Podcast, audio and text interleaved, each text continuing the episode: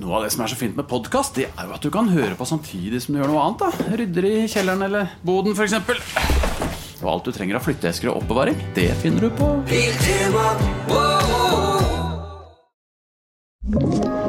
En podkast fra Podplay. Three, two, one. and liftoff. One, two, three, four, five, five, four, three, two, one. Okay, we checked all four systems, and there you go on modulation, all four, and keying with a go. Vi feirer episode nummer 100. Eirik Newth, gratulerer. Takk, det samme! Woohoo! Det er litt 100 episoder har vi eh, klart å lage i eh, solskinn, i regn, i frost, i hete. Uh, Under en global pandemi. Unnskyld. Men Ja. altså, det har virkelig vært alt mulig rart. oppturer, holdt på å si, og, og nedturer, Ja, så ja, har ja. vi uh, kjempa og laget 100 episoder av Romkapsel. Og så kan man jo si det sånn, da, at i en perfekt verden så skulle vi kanskje hatt eh, kake Ja. og champagne. Jeg er ikke så glad i champagne. Nei, vet du hva, jeg har heller aldri vært veldig glad i champagne. Uh, altså jeg, og sant å si, d- legen min vil ikke at jeg skal spise mer kake. så, så, men, men eh, et glass, en, en, en halvliter. For en pils er pølse. Uh, Det, det, ja, helt klart. Mer i det. Men eh, det vi skal gjøre for å Vi må markere. Det må vi gjøre. Og det vi skal gjøre, eh, det er jo ikke noe hemmelighet. Eh, vi har eh, bedt om noen telefonnumre. Så vi skal ringe opp redaksjonsmedlem nummer tre. Det skal vi gjøre, og det er altså rett og slett representanter for dere lytterne. Jeg må jo innrømme at det, jeg var litt spent på hvordan dette her kom til å fungere, og det var rett og slett fordi eh, altså jeg er jo vokst opp med sånne innringerprogrammer. De er vel ikke så vanlige nå lenger. De var veldig vanlige da jeg vokste opp, og jeg syns alltid det var veldig gøy. Jeg syns alltid det var veldig, gøy å høre om høre helt vanlige nordmenn ringe inn og fortelle om ting de var opptatt av. Ja. Og særlig hvis det var noe faglig. Og sånne programmer hadde jo NRK. Så jeg tenkte ok, eh, eh, hadde det ikke vært kult å høre De som hører på oss, er antagelig interessert i romfart, og har antagelig artig historie å fortelle om hvorfor de er interessert i romfart, og kanskje til og med noen tanker rundt det. Det var liksom tanken bak, og så er da det store spørsmålet, Nils Johan, eh, hvor godt vi lyktes med akkurat det, eller rettere sagt eh, eh, hvor godt våre lyttere lyktes med det. La oss eh, teste ut det nå. Altså, vi, vi ringer opp eh, ikke et helt tilfeldig nummer, men eh, Det gjør vi ikke! For det var det jo også noen som drev med. Ja, det var det også populært en periode. ja, det, var, ja. det skal ikke vi gjøre. Nei. Men vi, vi, vi ser hvor dette bærer.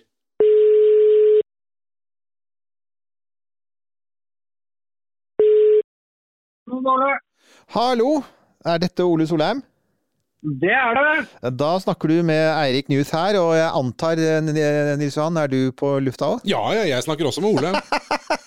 Ja, gratulerer med episode 100. Tusen hjertelig takk. Tusen takk. Veldig hyggelig. Du, Ole.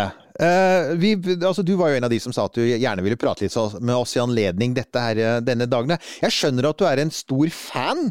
Jeg er en stor fan. Jeg sitter nå med T-skjorten deres. Ah, takk. I dag. Deilig. Og, ja, og jeg har ikke vært fan fra første episode, så jeg oppdaget ikke dere før dere var på episode 30 eller 40, tror jeg. Ah, men du vet hva, du er fremdeles old school, altså. Det må jeg si. Ja, Nei, og så er det jo, hva skal du si, det er jo interesse som jeg ikke deler med så mange av vennene mine, egentlig. Jeg tror jeg har på, på Facebook, det er to stykker jeg, som eh, liker dere vennene mine. Da kan jeg bare si hei Thomas og hei Geir. Det hører du sikkert på. Thomas og Geir, det er veldig hyggelig at dere er med oss også. Veldig bra. Ja. Nei, sånn at det er Det har vært eh, altså Det var veldig fantastisk. For dere drar jo på en måte verdensrommet ned på jorda. da, Med veldig avanserte konsepter, veldig avansert teknologi, som dere får en å se, vanlig mann i gata ut til å forstå. Som ikke har noen egne forutsetninger for det fra før. da. Veldig hyggelig at du sier det. Det er jo liksom det som er målsettinga. Også dette her med at vi skal ha, og det vil du se, høre i en episode veldig snart, at vi skal også ha så mange romforskere som mulig inn i dette her. ikke sant? Og folk som jobber med det. For det er jo, det skal liksom ikke bare være hva Nils Johan og jeg syns er kult om rommet, men alle de menneskene som, som er i dette gamet, da. For det er, jo, det er jo mye kule folk der. Ja, ja, ja. eh, absolutt. Og jeg vi må prøve å få med han Aske, da, som jeg leste i avisen i går, hadde blitt kommet til andre runde på opptak i EFA. Og han er det. Får jeg lov å si en ting? Det er så mange som nevner akkurat han. Eh, Hva var det han heter igjen? Nils, et eller annet. Ja, nemlig. Ja. For, for at vi får masse meldinger om han, og helt klart, altså dette skal vi komme tilbake til, rett og slett for å finne ut hvordan han opplevde det. ikke sant? For nå er han inne i denne her opptaksrunden, og det er jo kjempespennende. Ja, ikke sant. Og det er eh, Jeg husker ikke hvor mange som hadde søkt, og hvor mange som, som 23, var 23, igjen. 23 000 har søkt, nå er vi nede i 1000, så han har virkelig han har altså overlevd eh, 95% uttak. Men du, eh, altså denne interessen, du sier at det er ikke så innmari mange du kjenner som er interessert i det. og Forresten, velkommen til min verden, jeg kjenner det. Takk for det. Eh, ikke sant, så jeg kjenner den følelsen. Men, men, men hvorf- hvordan ble du interessert, med tanke på at du liksom ikke nødvendigvis var omgitt av folk som var eh, opphengt i dette? så lenge jeg kan huske tror jeg har vært fascinert av det. Og jeg tror vel egentlig, med er et sånn veldig tidlig minne på biblioteket, der boka til Erik Tandberg og Romfergen var. Å ja, den er fin! Ja, jeg husker det var så tøft cover med Romfergen i mørket med liksom litt røyk og, og sånn. Og så ble det jo Star Wars da jeg var kanskje ti år, når det kom på kino, og så bare balla det på seg, egentlig. Og så oppdaga jeg liksom det klassiske eh, sci-fi-forfatterne i tenåra som Heinlein og Asimov og alle de, da. De husker jeg, så Nå husker jeg bare titlene, ikke så mye hva bøkene handla om. Men når jeg har tatt gjort det, så er det jo De holder seg overraskende bra. Jeg er helt enig med deg, men det er mulig at det skyldes at jeg er 57. For jeg er helt enig med deg. Jeg jeg, jeg driver og gjenhører mange av disse bøkene nå. Jeg liker blitt glad i lydbøker, jeg òg. Og bare funnet ut at nei, det, eh, det, det liksom, de, de, gamle, de gamle er eldst. Men det med Tandberg er også interessant du sier. Det var jo uh, i, i Av våre 100 episoder, den ene tingen som, uh, som jeg er mest lei meg for, var at vi ikke rakk å få snakket med Tandberg før han gikk bort. Eh, og det sto på programmet, men det, vi fikk aldri til den avtalen. Og, og derfor så har vi den minnesendingen om han, ikke sant. Men, men det, Ja. for det For han har inspirert så mange av dere. Det er en ting. Og han har inspirert meg òg. Altså, det er så mange av oss som vokste opp med han, og vokste opp med han på TV. Og den romferjeboka, som sagt, den husker jeg veldig godt. Ja, ikke sant. Og da var det jo bare én TV-kanal òg, ikke sant. Og da var jo han på I hvert fall vi som bodde litt langt fra svenskegrensa, vi hadde jo bare NRK. Så da var det jo han som, som dukka opp, da. Ja, han, var. Han var Mr. Space i Norge, som en viss Werner von Braun var det i USA. Ja, ikke sant. Han måtte nevnes! Utrolig å Ja. flette inn han, altså. Måtte nevnes. Men, men du, eh, jeg lurer på en annen ting, og det var som jeg, som jeg eh, utfordret eh, folk litt også på. Så. Har du sånn, sånn by the way, har du et spørsmål du har lyst til, noe du lurer på, og vil komme foran i køen, siden du Ja, er på du- telefonen? Det er flott. Jeg har egentlig to spørsmål som jeg lurer på. Ja. ene er, er veldig, veldig en teknisk art. Ja. Eh, Det er, eh, det er eh, Space Dragon. Altså hvorfor den har luke på sida og ikke bare på toppen. Og vet du uh, Ja, og det andre? Hva er det ja. andre? Nei, det er hva driver russerne med? De dytter romstasjonen, de mister kommunikasjonen, de sprenger satellitter og de Du- sier at de vil være med på den kinesiske. Så er det slutten kanskje for ISS, hvis Russland da Ah. binder seg mot Kina. Veldig interessant. For at det, vi, har, vi skal ha en sånn der spørsmål og svar-runde i nær fremtid. Da svarer Ja. vi faktisk på spørsmålet ditt om Crew Dragon. Det er, for det er, et veldig, ja, men det er et veldig godt spørsmål, og det er et veldig sånn logisk svar. Når det gjelder det der med russerne, altså Vi har funnet ut, og det er det jo flere som også har etterlyst, vi må gjøre noe på hele dette strategiske bildet nå. Altså, Det skjer noe i rommet nå. Russerne driver og posisjonerer seg om. Kineserne har utrolig ambisiøse planer. De skal til månen, de har romstasjon, de bygger en romferje. Militær romferje også. De vil til Mars. Og det er helt tydelig at russerne på et eller annet vis har funnet ut at ok, kanskje vi skal hekte oss på kineserne isteden, fordi kineserne er jo mye større og sterkere enn dem nå. Så, det, er, det er et veldig spennende, veldig spennende og litt skummel fase vi er inne i. Ja, det er det. Nå, nå skjer det jo ting nesten ukentlig. Ikke sant? Det- Nå ble jo Dart skutt opp. Og det ikke Ja. sant? Så Før tenkte jeg det kan gå år imellom, eller i hvert fall måneder, men nå er det jo ukentlig. Og snart skal eh, James Webb opp, og det blir gøy. Og så er det Crew Dragon, og så er det noen nye ah, Nei, nei, dette er gøy, og det er veldig hyggelig, Ole, at du ville prate med oss. Jeg tenker at uh, nå skal du få lov til å Ja, Nils Johan, hva vil du Ja, nei, vet du hva. Jeg, jeg vil bare uh, spørre om én ting, Ole.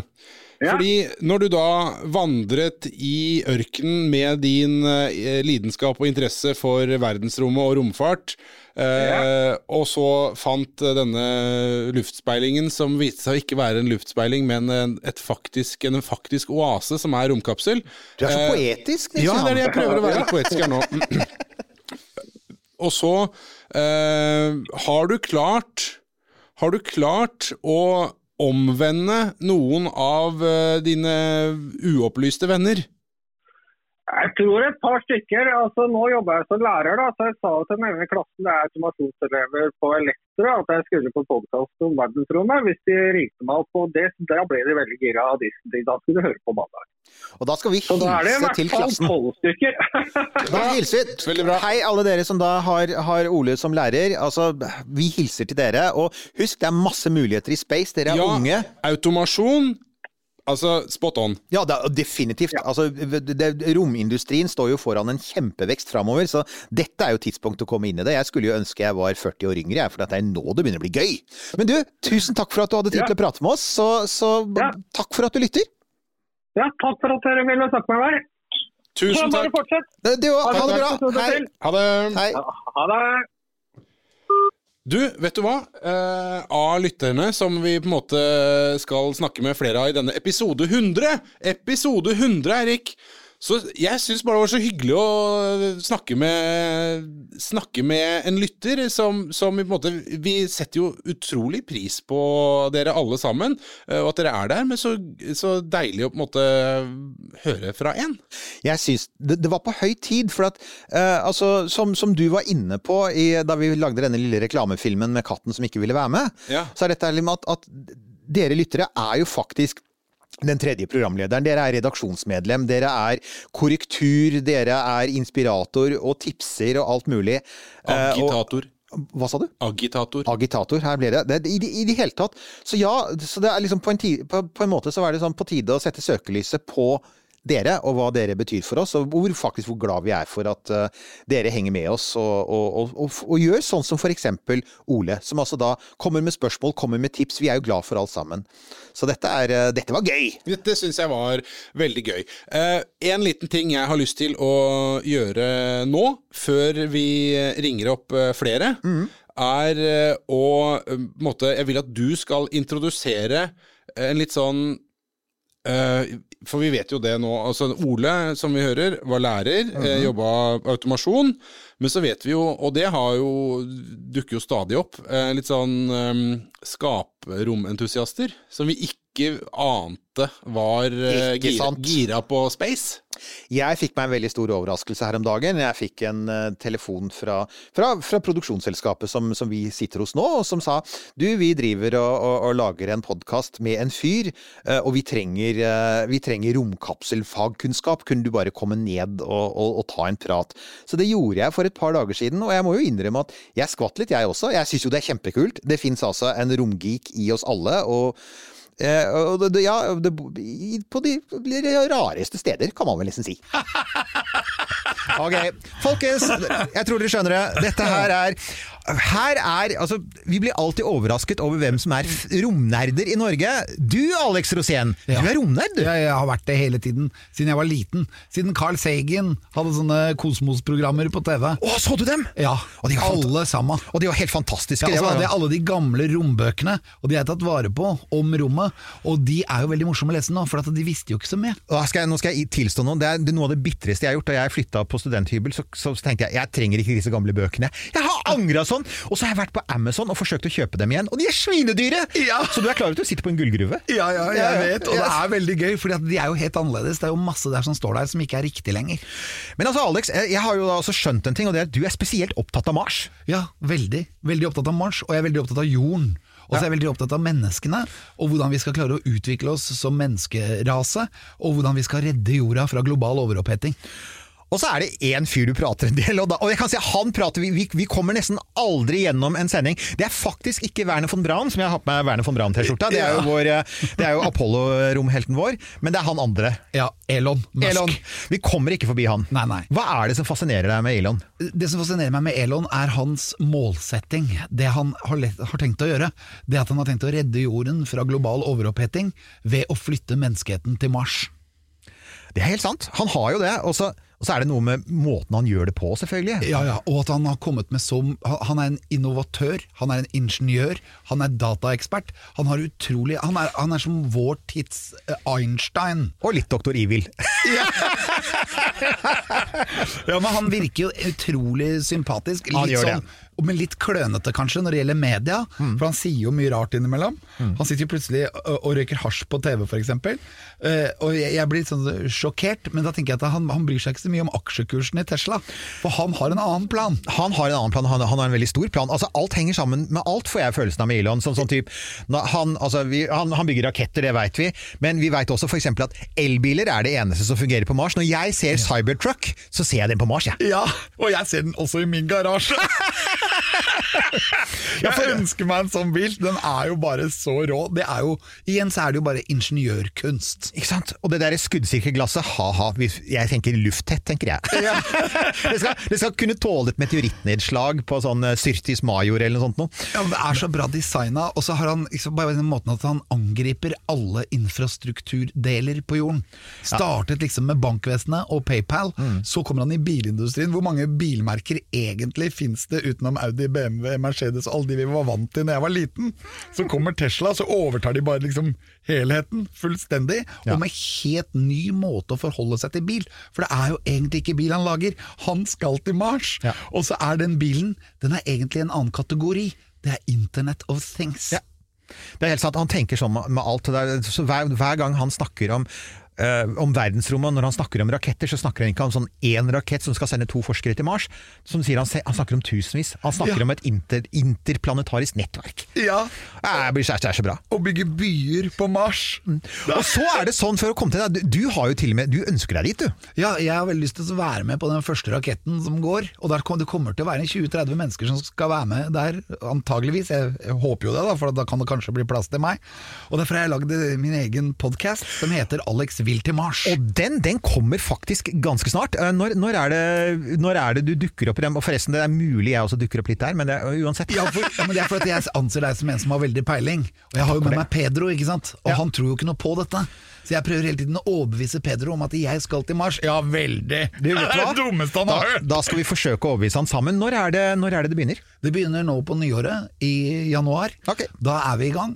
Og da skal vi lage en plan på hvordan vi skal få sendt meg til Mars så fort som mulig. Jeg tror nemlig at Elon Musk kan sende meg i 2024, mm -hmm. men det er også snakk om, da, som jeg har hørt, at det kan bli 2026. Men jeg er åpen for alt. Ja, ja. Og så er, det, altså, så er det alltid det vanlige med Elon time, ikke sant? Ja, ja. Ja. Nei, så Da veit dere det, folkens. Og så kan jeg si en annen ting også. At jeg ikke, blir veldig overrasket om Alex dukker opp eh, her igjen hos oss i en litt lengre For nå skal han videre. Han er en ekstremt travel mann, men han kommer tilbake. Vi skal snakke mer om Mars, vi. Ja, det, det vi. håper jeg. Ja, men det bare må vi. Det er så Eh, gøy. Og så er det sånn, vi, vi, Formatet vårt litt i dag da, på denne, i denne jubileumssendinga er jo også at, eh, at eh, de som er med der, får anledning til å bare stille meg et spontant spørsmål. For jeg får jo mye spørsmål. Nå pleier jeg liksom å sitte og lese opp noe som jeg har forberedt, da, fordi det kom på mail f.eks. Ja. Så er, er det noe du lurer på, Alex? Er lurer på. nå? Ja. For å gjøre Mars levelig, hva kan vi gjøre på Mars for å få vulkanutbruddene til å blåse igjen, og for å lage atmosfære, sånn at vi ikke får hudkreft når vi skal seile f.eks. på Mars sine nye hav? Jeg syns det er så nydelig med det med seile på Mars i det nye hav. Det er så vakkert! Ja, men det er det. Altså, det er jo det som bør være ambisjonen, tenker jeg. For jeg tenker sånn ja, vi skal bygge en stor forskningsstasjon. Nei, vi skal seile på Mars! Ja, det er det vi skal seile der Altså, ser du jorda, så må vi drive oss og navigere etter jorda. Ja, ikke sant? Altså med sånn blå himmel og veldig sånn rød fjell og ja, Helt nydelig. Tenk deg det. Ja. Nei, altså det du må gjøre er jo altså For Mars har jo, Mars har jo mer eller mindre stivna. I motsetning til jorda, som fremdeles er varm og glødende inni, og det er liksom sånn masse geologisk aktivitet, så har Mars blitt ganske kald, og det er lite geologisk aktivitet. Det kan ha vært noen vulkanutbrudd for noen millioner år siden, men det er sjelden. Det er langt mellom hver gang. jeg så et sånt magnetisk kart over Mars, og det var veldig mange små punkter over hele planeten. Ikke sant. Små magnetiske Ikke sant? Så Mars har ikke noe, det har ikke noe globalt magnetfelt. Eh, Så nei, det du må gjøre er jo faktisk å kickstarte hele eh, liksom sånn det, der, eh, det, det indre av Mars. da. Og Du kan gjøre det på flere måter. Du kan enten gjøre det med å ha en stor måne, altså som kan på en måte dra og kna i Mars og varme opp innsiden, sånn som Jupiter for så vidt gjør med Europa, den der ismånen som det kan være liv under. Eller du kan ha et sånn stor impact, noe virkelig svært som treffer Mars, og som sender sjokkbølger gjennom, og igjen kanskje fyrer opp disse prosessene inn i Mars. Men eh, jeg kan si at i ingen av tilfellene så har du lyst til at det skal være folk der mens det skjer, så de bør nok være unna mens det foregår. Ja. Men hvilken, hvilken av de tror du er mest sannsynlig at Elon kommer til å benytte seg av? Altså jeg tror, Før den tid så tror jeg altså, han, det er nok mer langsiktig. Det han har snakket opp mer sånn kortsiktig med å forandre Mars, det er jo faktisk å forsøke å frigjøre så mye vanndamp som mulig. Uh, for at gjør du det, så får du en tettere atmosfære som holder på temperaturen, og så kan du kanskje sette i gang en sånn, der, uh, sånn feedback, ikke sant? at det blir varmere og varmere. Og da har han jo snakket om å kollidere ting nær polene hvor det er mye is, og kanskje også uh, Nuke Mars, som vi har vært inne på. Og dette har jo vi snakka litt om, eh, vi har jo snakket om det ganske mye her i Romkapsel, som dere som hører på veit. Og vi har jo, det er ikke så lenge siden vi hadde Petter Bøckmann, som Han var jo en stor terraforming-skeptiker. Eh, jeg håper jo at han tar feil. ikke sant? For det hadde vært kult. Det er ingenting som er bedre enn terraforming. Terraforming er bare helt rått. Så igjen, folkens. Igjen, altså, husk på det. Hva var det podkasten din heter? Alex Rosén vil til Mars. Den starter nå i januar, og ikke så veldig lenge etter så får vi besøk. Og det vi da kan gjøre, Alex, er vi, vi pleier alltid å få masse feedback fra lytterne våre når vi går ut og sier har dere noen spørsmål. Så er det greit at vi kan si til lytterne våre Dere kan selvfølgelig spørre oss om ting, men har dere noen spørsmål til Alex og om Mars? Det håper jeg de kan stille de spørsmålene, Ikke sant? Så for da- da, skal jeg svare så godt jeg kan. Takk for at du kom, eh, kom i studio, Alex. Og så, da, og så ses vi og høres vi. Det gjør vi. Ja, Vegard. Hei, Vegard! Det er Romkapsel. Hei, hei, Vegard. Det er den andre delen Hei, av romkapselen hei. her. Det var veldig hyggelig. Har du tid til å prate med oss? Det går bra.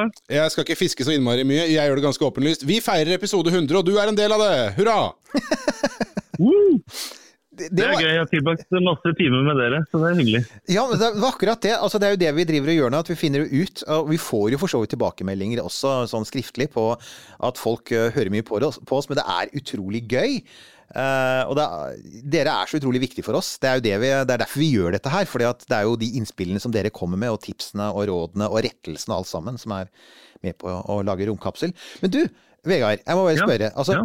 Uh, har, har du noen sånn spesiell bakgrunn fra romfart, eller er du også en sånn helt vanlig entusiast? Uh, ingen bakgrunn. Skulle ønske jeg hadde det. Jeg er bare sånn supergeek på det, liksom. Ja. Alltid vært fra jeg var liten. Ja, husker du, hva, hva er det som, er, Var det noe sånn spesielt som gjorde at du ble opptatt av det? Nei, jeg tror ikke egentlig det. Det er stjernene, liksom. Jeg bare Mm. syns det er dritfascinerende å stå og se på eh, himmelen og føle hvor liten man er, liksom.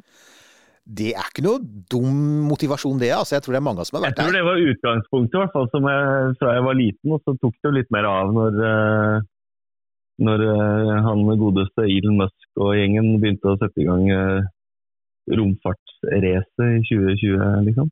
Mm. Men eh, Vegard, har du lyst til, og hadde du dratt hvis du hadde fått muligheten? Eh, til rommet, ja. Lett som pokker. Jeg har aldri sagt nei. Vel, veldig greit. Ja, nei, altså ja. Nei, Det, det hadde ikke vært i tvil. Mars enveistur hadde vært litt verre med tanke på barn og sånn. Ja, Ja, jeg, med den også. ja, jeg har blitt spurt om det i det siste. Så folk sier sånn, for Tidligere så pleide jeg å si sånn Klart det! Jeg drar sånn, bare just say the word. Jeg er på Mars, ikke sant? Og nå har jeg begynt å bli sånn mm, Vent nå litt, det er en enveistur. eh, For det er det i praksis. eh, Det, du kan aldri ha en samtale med noen mer, for det tar 40 minutter frem og tilbake med telefon og alt det der. Så tenkte jeg mm, ja, kanskje b b barn, familie, venner, katt. Nei, nei kanskje ikke. Så jeg, jeg kjenner den. spesielt katten, katten er tungveiende der, tenker jeg. Ja, for meg er det helt det er deal-breaker. Det er helt greit. Ja, ikke sant? Men uh, Vegard, eh, er det, er det en del av på en måte, det store universet som, som fascinerer deg mer enn noe annet? Altså Er det liksom raketter, er det planeter, er det stjerner? Er det, hva er det som er på en måte aller nærmest deg? Det er egentlig det, det store universet og uvitenheten vi har rundt det, liksom. Fascinasjonen for eh, svarte hull og alle de der uendelige mulighetene som jeg føler ligger der, som vi ikke er smarte nok eller har nok kunnskap om til å utnytte. liksom. Der er du inne på noe som eh, jeg, jeg tenker mye av det samme selv. Det er- tror jeg veldig mange som tenker akkurat det. Nettopp det. Noe av det som skremmer folk mest med universet, er noe av det som tiltrekker en del av oss. Som er nettopp det, som du sier, alt vi ikke vet. At det er stort og svart og mørkt og ukjent. Men det betyr jo at vi kan utforske det, tenker jeg da. Det er jo ikke skummelt, det er jo bare gøy. Ja, det er det jeg tenker òg. Jeg, altså, jeg ser jo hundretalls av YouTube-videoer liksom, om eh, kvanteteknologi og alt det der greiene Ja. der. Og det er sånne mind-blowing ting som man ikke egentlig helt greier å få huet sitt rundt. Da. Ja, øh, jeg, altså jeg har jo på, nettopp lagt ut på Facebook-siden vår den her fantastisk halvannen times filmen om russiske rakettmotorer fra Everyday Astronaut. Jeg må bare si, jeg har Ja, den sett så jeg. det, den, ja, du har sett den. Den er genial! Og jeg bare elsker det. Og det er bare altså, all den der nerdete fascinasjonen for sånn rakettdyser og trykkamre og Ja, og litt sånn infighting i sovjetisk ingeniørmiljø på 60-tallet. I love it! Ja, for det var hardcore. Og ja, til, de, til de grader! Men samtidig Mm. så ser du at der er det samme, det er jo noe av det man lærer her. De hadde det samme. De var jo drevet av det samme. Den derre Hvordan kommer vi oss opp dit, ikke sant? Ja, og det er, det er liksom den derre Det er nesten litt sånn en barnslig un undersøkelsesmentalitet som jeg syns er veldig, veldig fin. Man, man har jo ikke filla peiling på halvparten av ikke det engang, altså 5% av det som foregår ute i universet. liksom. Jeg syns det er veldig artig at det du sier at Elon Musk har vært mye av inspirasjonen her. For det, du ser veldig tydelig også i, i vårt publikum da, at det er liksom to grupper. Du har oss som er sånn Erik Tandberg-generasjonen, og for oss er det sånn NRK på 70-80-tallet og, og Tandberg som en sånn trygg formidler. Og så er det en, helt klart en ny gruppe nå som har, ikke har så mye forhold til han, men som har et veldig sterkt forhold til, til Elon. da. Han har jo kommersialisert det på en helt annen måte enn eh, noen gang før. Da. Han, han er også utrolig flink. Altså, eh, la oss bare si det. Han, er også, han kan være veldig god på sosiale medier når han ikke begynner å krangle om diverse ting. Uh, i, eh, dagens tweet var uh, hans kommentar til Dart, vet du, som vi har snakket Ja, om. ja, ja, ja. Ikke sant? Så skal. De skal kollidere med en asteroide, folkens. What a time to be alive! Hva var Elon Musks kommentar? Avenge the dinosaurs! Yes! det er så Elon, det er så bra! Ja, det er Ja, det er det faktisk. veldig bra. Men, men uh, Vegard, um, for uh, Så jeg pleier jo å si at uh, med den i rommet, dette rommet med, med færre studiepoeng eh, Skjønner du på en måte Altså, Forstår du fysikken, forstår du matematikken, forstår du alle de tinga som jeg ikke skjønner, men som Eirik eh, smører på brødskiva hver dag? Jeg, Jeg, jeg kan ikke skryte og si at jeg er eh, på Newton-nivå. Altså. Jeg kan ikke det. Altså, det, jeg, jeg, jeg kan ikke skryte og si det jeg heller, da, men det er en sånn ting. Og du bare Men du, sier har- du har jo vært kjempeviktig for dette her, da. Takk, det var veldig Eh, hyggelig å høre. Ja. Du, du og Ødegaard, er ikke det han heter? Han, Jo, jo, Knut Jørgen, ja, ja, ja. Nei, det har, vært, det har jo altså formidling av sånn, dette faget her. Altså, alle land trenger noen sånne formidlere, det veit jeg jo. Eh, og og det, det, er liksom, det er en viktig rolle å ha. Men så er det jo Ja, for det, det skaper interesse. Ikke sant? Det er godt å ha en norsk kilde til den, eh, til den kunnskapen og, den, og det skravlet som foregår ute. da. Ja, det er, det er veldig fint du sier akkurat det. For at det fins utrolig mye kule videoer der ute. Veldig mange av dem er på engelsk. Ja, ja. Men det vi opplever, er jo at folk syns det er utrolig deilig å høre noen som snakker helt vanlig norsk. Helt vanlige Mm. norske forskere, helt vanlige, ikke sant? Som, og, og at du får den inn også. At ikke det bare er disse som er sånn på et sånn superhøyt nivå der oppe. Sånn. Nei, for Det blir litt sånn uoppnåelig for veldig mange. Meg sjøl inkludert, liksom. For jeg er ikke, jeg er ikke fysiker, da, på en måte. Nå, skal jeg være bitte litt heiegjeng heiagjeng for oss sjøl her, eh, Vegard. Eh, Ja. når, når var det du eh, fant oss? Kan det ha vært i forbindelse med den super heavy Tesla-oppskytinga? Det, Ja! det er jeg litt usikker på, faktisk. Du, det er litt gøy, for at det, her peker du på, her setter du egentlig fingeren på et litt sånt ømt område. Det er at vi har ikke, altså vi har ikke vært flinke nok til å følge opp um, livesendinger, for det er det mange som spør om. Hadde egentlig en sånn plan om en sånn, sånn stunt-livesending på James Webb Space Telescope, for den, går på et helt, den gikk på et helt fornuftig tidspunkt på dagen. Men ja, bra. altså, the first rule of the James Webb Space Telescope Club er James Webb Space Telescope is always delayed. Always. Så det er fire dager utsettelse nå, og vi veit ikke når det blir. Og men, men hvis det er Men det kan hende at en eller annen gang veldig tett på jul, eller i romjula, at det kommer en sånn liten stuntgreie. Fordi eh, vet, jeg vet faktisk at livesendingene har vi fått mye, mye Mange har vært innom dem. Og det er litt gøy. Det var, det var kjempebra. Dere knota litt, og det var liksom litt sånn lett stemning. Men det var jo hele jeg poenget. Skjønner jeg ikke hva du mener nå, Vegard. Hva er det du snakker om? Det er knoter, altså. Det var jo strømlinjeforma fra A til Å, det greiene der. Ja, jeg følte det. egentlig. Ikke Til å var- inklusive rørleggersprekken din, ja. Ja, Men, eh, men du, Vegard, Vegard, tenk på en ting. Altså, vi, vi har jo da, siden du er, er, er så grei og, og setter av tid til å prate med oss, så skal vi gi en sånn liten ting tilbake. Og det er, vi har jo, vi har jo en sånn spørsmål og svar-greie. Eh, men, men fordi du er her, så kan du komme foran i køen. Så hvis du har et spørsmål, hvis du har noe du lurer på, så bare ta det nå, så tar vi det på direkten. Og folkens, dette er ikke forberedt. uh,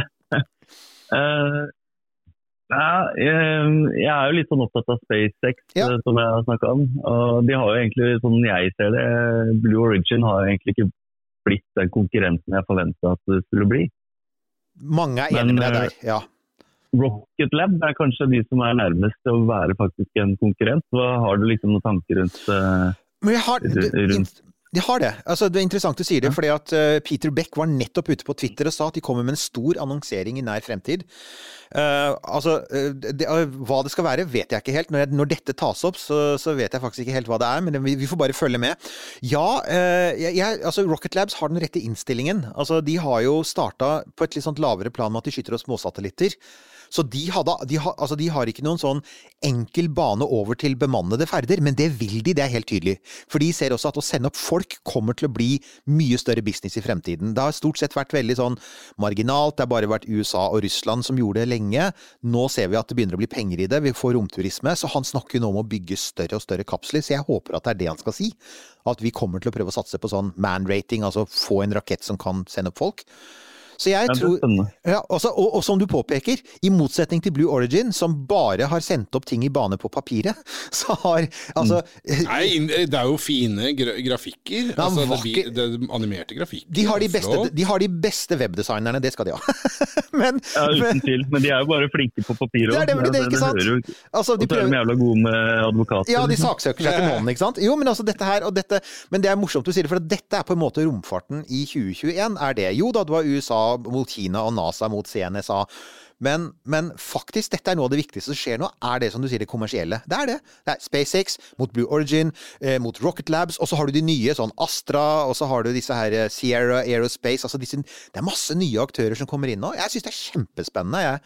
Jeg tror eh, det, det største problemet som Rocket Labs har, det har mange påpekt, er de har enda ikke fått økonomien sin til å gå i pluss. Eh, SpaceX vet vi tjener penger på dette her, pluss, pluss at Elon Musk har superdype lommer, det kan vi si. Så han har råd til å betale Det er lov, å- det er lov å si. det er lov å si. Han, har, han, han, har, han kan betale for sitt private romprogram de neste 100 åra. Hvor Mm. mye penger Peter Beck eh, har til å gjøre disse, å å realisere de store planene som han helt tydelig har, da, det skal bli spennende å se. For det er det mange har påpekt, er at de har ikke skutt opp så mange raketter, og de tjener ikke så mye penger per rakett, så det, det blir spennende å se. Ikke sant? Men du, tusen takk for at du satte av tid til oss, for at du vil være med oss på denne dagen. Og da får du høre din egen stemme på podkast veldig snart. Ja, det blir sikkert magisk. Vegard, tusen takk. Eh, følg oss inn i de neste 100. Det skal jeg gjøre. 1202.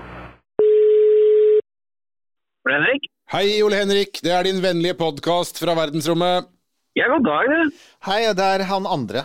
Det er han andre. Han, han som bare sitter i hjørnet og aldri sier noe. Ja, sånn tause Birgitte sitter her, ja. Vi feirer episode 100, og du er med! Hallo, hurra for oss!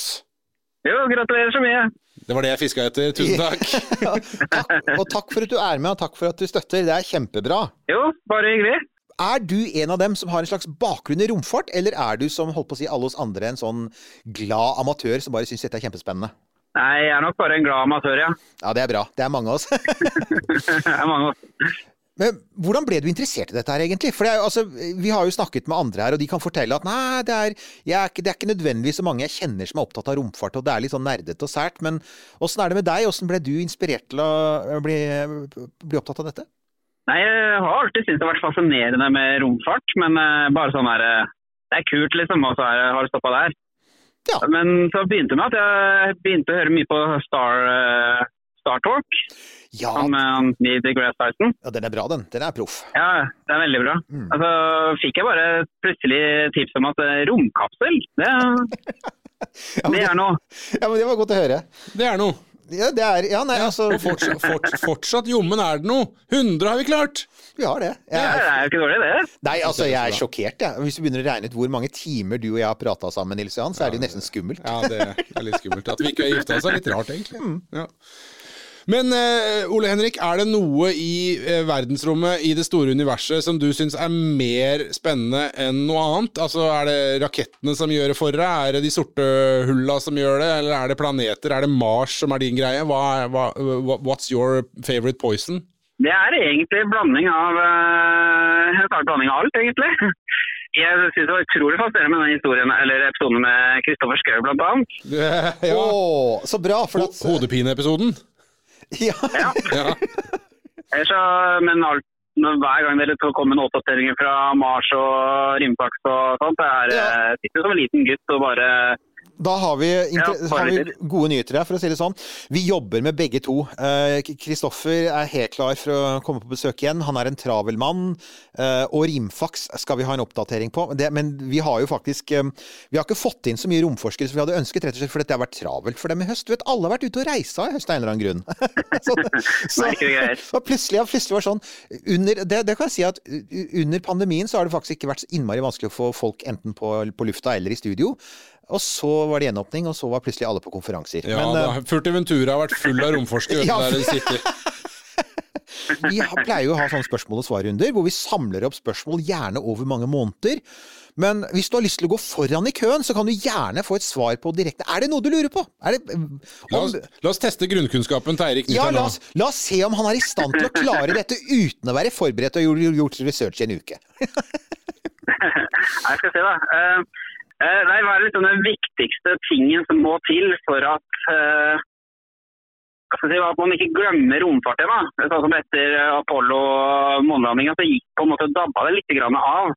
Men nå liksom på, er det så veldig mye fokus på romfarten. Hva er det liksom viktigste som må til for at vi fortsetter å holde den driven? da? Og du, Det dette er et veldig, veldig godt spørsmål, Det Ole Henrik. Det er et, helt nydelig spørsmål som vi egentlig bør ha en egen sending om. For Ja. det, det har vært en stor diskusjon Ja, men du, du har helt rett, eh, Ole Henrik. Altså, det, har- det har vært en svær diskusjon i USA gjennom flere tiår om hva det var som gjorde at amerikanerne mistet taket i Apollo så fort. For de gjorde det. Det er, det er sjokkerende, egentlig. De greide dette her enestående med å lande på månen, og så nærmest over natten så bare sånn right, Whatever. La oss bevege oss videre, la oss se på TV, ikke sant. Og, hva, og, og hvordan unngår vi det nå? Og jeg vet at en av de som opptatt av det, er jo faktisk Elon Musk. Han sier at vi har en sånn window of opportunity, sier han. Vi har en sånn mulighet nå, noen år framover, for å komme oss til Mars, for eksempel, fordi han er ikke sikker på at dette varer evig. Men jeg tenker at det viktigste vi kan gjøre nå, det er, eh, som romfarten kan gjøre, da, det er å fortsette å levere, for det var noe av det som Altså, Som folk sa om Apollo, var at Apollo på en måte Jo da, det var fint at de landet på månen. Så landet de på månen igjen og gjorde akkurat det samme. Og så landet de igjen, og så skulle de ha med en bil. ikke sant? Altså, det var Mens det som skjer nå, er jo at det skjer noe nytt hele tiden. ikke sant? Eh, For to dager siden så sendte vi av gårde Dart for å kollidere med en asteroide. Vi har to roboter, tre roboter på Mars. Eh, Snart skal Starship opp. Eh, Kina er i gang for fullt. eh, India er i gang for fullt. Så det som er håpet mitt, da, er at denne gangen så kommer vi ikke til å glemme det så lett. at det, det, avhenger ikke bare, det avhenger ikke så mye av én nasjon og liksom én organisasjon. Det er så mange som gjør det nå. Du har liksom private, du har offentlige, du har masse land. Det er mange, mange flere som holder på med det. Så jeg tror at håpet er mye bedre nå med at ikke det bare stopper. I tillegg, hvis jeg kan få skyte inn en ting. eh, jeg tror også at, eh, som du sier Eirik, eh, det her med å, å levere, fordi Apollo, det eneste det på en måte altså Det eneste, nå bruker jeg ordene ganske liberalt her, det eneste det førte til, var at det var noe stein som kom ned som ingen så, som ble analysert på ø, et laboratorie, ø, og that's it. Men nå ser vi jo umiddelbart, altså hvis man er litt interessert, da, sånn som vi åpenbart er, alle sammen som er samlet her nå via eteren eller ser hverandre, er nettopp det at vi ser resultater. Altså James Webb, sant, som skal opp. Eh, Det vil gi helt fantastiske eh, resultater i form av bilder osv. Starlink sant, gir eh, resultater, helt tangible resultater for vanlige folk. Eh, Og vi ser også nye markeder åpner seg. Nye startups som starter i en eller annen form for up eller downstream når det kommer til eh, romfart. Så, så det der, der at det brer om seg på en mye større finere måte og blir en mye viktigere del av det vi gjør og det vi foretar oss som vanlige folk, rett og slett. altså. Jeg vet ikke hva du driver med til vanlig, Ole Henrik, men, men jeg garanterer deg at uh, om du ikke allerede har gjort det, så vil du i løpet av kort tid kunne liksom merke store forskjeller da, av et eller annet som har hatt uh, en eller annen beta opp i verdensrommet på en eller annen form og funksjon? Ja, jeg, jeg driver jo en Rema 1000-butikk, så jeg vet ikke hvor mye det kan eh, påvirke det. Men eh, Og vet du, vet jeg bare venter på at jeg kan starte butikk på Mars. Det, Men det er jo veldig morsomt. For det første må jeg si, eh, Norsk Romsenter, hvis dere trenger en ny kommunikasjonsdirektør, dere hørte nettopp han her i podkasten. Nils Johan Halvorsen, dere kan ringe han. Han snakker om upstream og downstream, det gjorde han ikke for to år siden. Nei, nei, nei, jeg har lært- jeg har lært. Ja, men det har jeg òg. Det, altså, det, altså, det, det må jeg si, Ole Henrik, det er noe av det morsomste her, er at vi er også blitt innmari mye mer sånn clued inn på romfart av podkasten, da. Ikke sant? For vi, Ja. for vi tvinges jo til å sette oss inn i og snakke om ting hver eneste uke. Altså, for vi må jo følge med på det som skjer. Og, og, så sånn sett, så, så ja, vi er, høres litt ut som sånn der eh, sånn New Space Uh... Oh, vet du hva? Nå kom jeg på noe gøy. Ole Henrik, eh, hvor i verden er det du har din Rema 1000-butikk? Eh, Rakkestad i Østfold. Rakkestad i Østfold. Ja, Ja, vet du hva, nå, nå skal jeg fortelle deg noe gøy. Fordi eh, tidligere Vi har jo hatt han som gjest eh, her i podkasten, Kårstein Eidem Løvaas, Ja. som satt på tinget eh, for Høyre, og som var deres rompolitiske talsmann. Eh, han har jo nå fått seg ny jobb. Nå er jo ikke han på tinget lenger, fordi hvert fjerde år så er det noe som heter et valg. Et system som fungerer ganske godt. USA, dere burde sjekke litt på hvordan det der skal gjøres. Eh, men han har nå fått seg ny jobb, og nå jobber han i Reitan eh, Retail, eller hva nå det heter for noe. Så, så jeg foreslår at vi tar kontakt med Kårstein, og så har vi livesending i Rema-butikken til eh, Ole Henrik i Rakkestad. Ja, ja, ja. Jeg er helt for det. Du, det hadde vært helt rått, og vi må, for vi må uansett begynne å trene på. For vi skal jo, det vet jo du, vi har lovet alle dere som hører på, at vi skal jo være der når den første norske, altså raketten opp i bane fra norsk jord går opp en eller annen gang, forhåpentligvis i løpet av eh, et år, halvannet år kanskje. Og da må vi ha trening, da, Nils Johan, og være Ja. der ute på, på veien. Så jeg, dette syns jeg er helt, uh, dette er helt glitrende. Ja. Men, men, men det du sa med liksom, hva er det verdensrommet gjør for Rema 1000? Altså, først og fremst så, så kan vi si at altså, de tjenestene som leveres fra rommet, fra satellitter, er jo selvfølgelig utrolig viktige for alt som Rema 1000. F.eks. landbruket. Det er helt avhengig av værmeldinger og jordovervåking og vannovervåking. Og, og tenk på de satellittene som overvåker skipstrafikken, flytrafikken. Så har du GPS, selvfølgelig. Bilene som leverer varer. Jeg håper de bruker GPS, for å si det sånn. Så, så det er masse. Og så hele liksom, vår globale økonomi er jo helt bundet tett opp til romfarten nå, jeg tror nok vi kan si at, at selv, om er så, selv om ikke det er sånn stempel på det som sier 'this was made in space', da, så er det klart at hadde det ikke vært for alt det som gjøres fra rommet nå, så hadde vi levd i en mye mer sånn komplisert og tungvint verden hvor alt gikk mye langsommere, og hvor vi ikke kunne gå på vår lokale Rema og få produkter fra den andre siden av kloden og ikke tenke på det engang, ikke sant? Lurer på strekkoder? Oh, The origin of strekkoder? Origin of strekkoder, det bør noen sjekke. Men nå, nå er vi Nå, nå sporer vi av her. Nei, men, nei, men ikke bare det, men nå kan dere høre, dere, dere som hører på Ole Henrik og Nils Johan er- Her, det er sånn det fungerer når ikke, når ikke Eirik har tid til å sette seg ned og gjøre researchen sin. Da sier han 'hæ?' Det var spennende, Nils Johan. Ja, det var det. Men eh, Ole Henrik, eh, tusen takk for at du hører på, eh, først og fremst. Og tusen takk for at du ville tilbringe noen minutter av din dyrebare kjøpmannstid med oss her i romkapselen. Og da skal du få lov til å gå tilbake og betjene det, det gode, de gode folk på Rakkestad. Ja, takk. Tusen takk for en veldig god podkast. Det er utrolig interessant. Takk for at du støtter oss. Ha det bra. Ha det bra. Her, her har du det. Ole Henrik altså, driver Rema-butikk. Ja. Eh, og så har vi eh, Så ringte vi Ole, som, som er eh, lærer. Og, og så Vegard. Ingen jobber i romindustrien, og så hører de fortsatt eh, på det vi holder på med. Eh, jeg syns det er fint. Jeg syns det er deilig at eh, det er folk eh, fra alle mulige Både Rakkestad og andre plasser her. Jeg syns det er kjempebra. Jeg synes at, og det, det med at det, man, Når man liksom tenker, så tenker man sånn Jo, nerd, altså romnerd, så tenker man seg en sånn typisk sånn som går går på science fiction-kongresser, eller som har studert naturfaglig sånn Big Bang Theory-opplegg, og så viser det at nei, men altså, de aller fleste romnerder er helt uh, vanlige folk. Og vi har litt tradisjon for det, for det er jo lett å glemme, men altså eh, Erik Tandberg var jo ingeniør, men han jobbet jo i veldig mange år, jeg tror det var Oslo Vannverker. Altså. Ja, så, så, så, så det igjen, så det er sånn, Og så etter, endte han jo etter hvert opp på romsenteret, og det var jo bra, men, men igjen så var det sånn at veldig mange av de som har holdt på med dette her, har egentlig hatt en ganske vanlig bakgrunn, og det, det er kjempebra. Ja.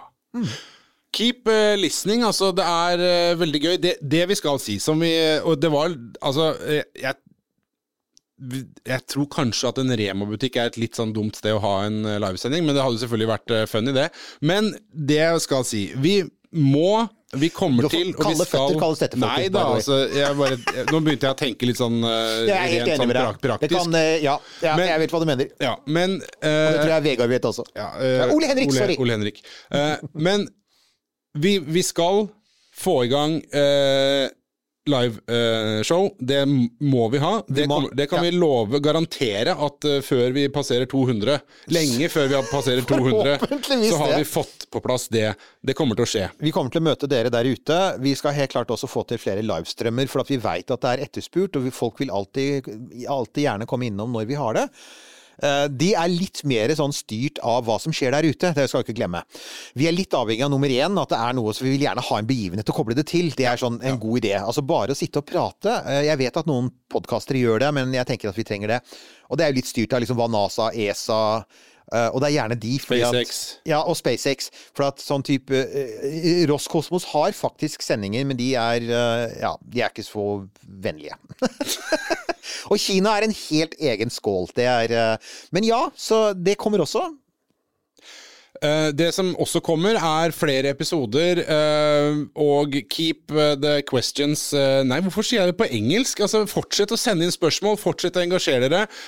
Jeg må bare si det at når jeg ser meldinger, og når jeg ser folk som tagger, og folk som hører på Vi har jo en viss oversikt på en måte over hvor mange det er, og det setter vi kjempestor pris på. Så jeg blir litt sånn, for å være litt sånn alvorlig, da, så blir jeg litt sånn ydmyk og, og, og veldig Jeg blir veldig eh, varm i hjertet av å tenke på at eh, så mange har lyst til å følge romkapselen på sin ferd gjennom eteren. Ja, jeg, jeg sier akkurat det samme. Og når, når folk sier sånne som at uh, å, å, å gå på jobben på, på mandag morgen mens jeg hører på Romkapsel er et høydepunkt, og sånn, så er det klart at ja, det gjør, det gjør sterkt inntrykk, og vi er utrolig takknemlige for at vi får lov til å bety det for dere, at vi ikke bare får lov til å formidle, men at det ser jo også ut til at altså Det får vi jo si at det er liksom to komponenter her. Det ene er, og det har det vært hele tiden, det har vært innholdet. Ja, romfart er gøy, men det er klart at hvis ikke, hvis ikke du og jeg hadde klart å prate om det på en måte som folk syns var verdt å høre på, da, så, så tror jeg heller ikke at dette hadde fungert.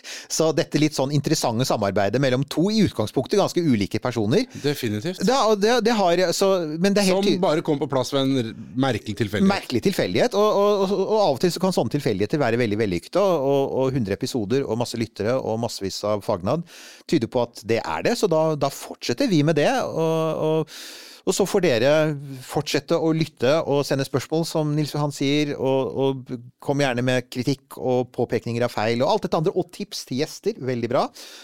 Og så har dere, hvis dere har lyst, da, så kan dere også selvfølgelig dukke opp i våre sosiale medier. Facebook, Twitter, Instagram Romkapsel.no. Romkapsel.no. Der kan dere også selvfølgelig støtte oss hvis dere har lyst på en T-skjorte eller en kopp, eh, for eksempel. Og, så, og der, der lønner det seg å følge med, fordi at eh, Nils Johan hinter om at han har noen ideer til nye ting som kan skje der. Ja, eh, jeg har en plan for en eh, ny T-skjorte.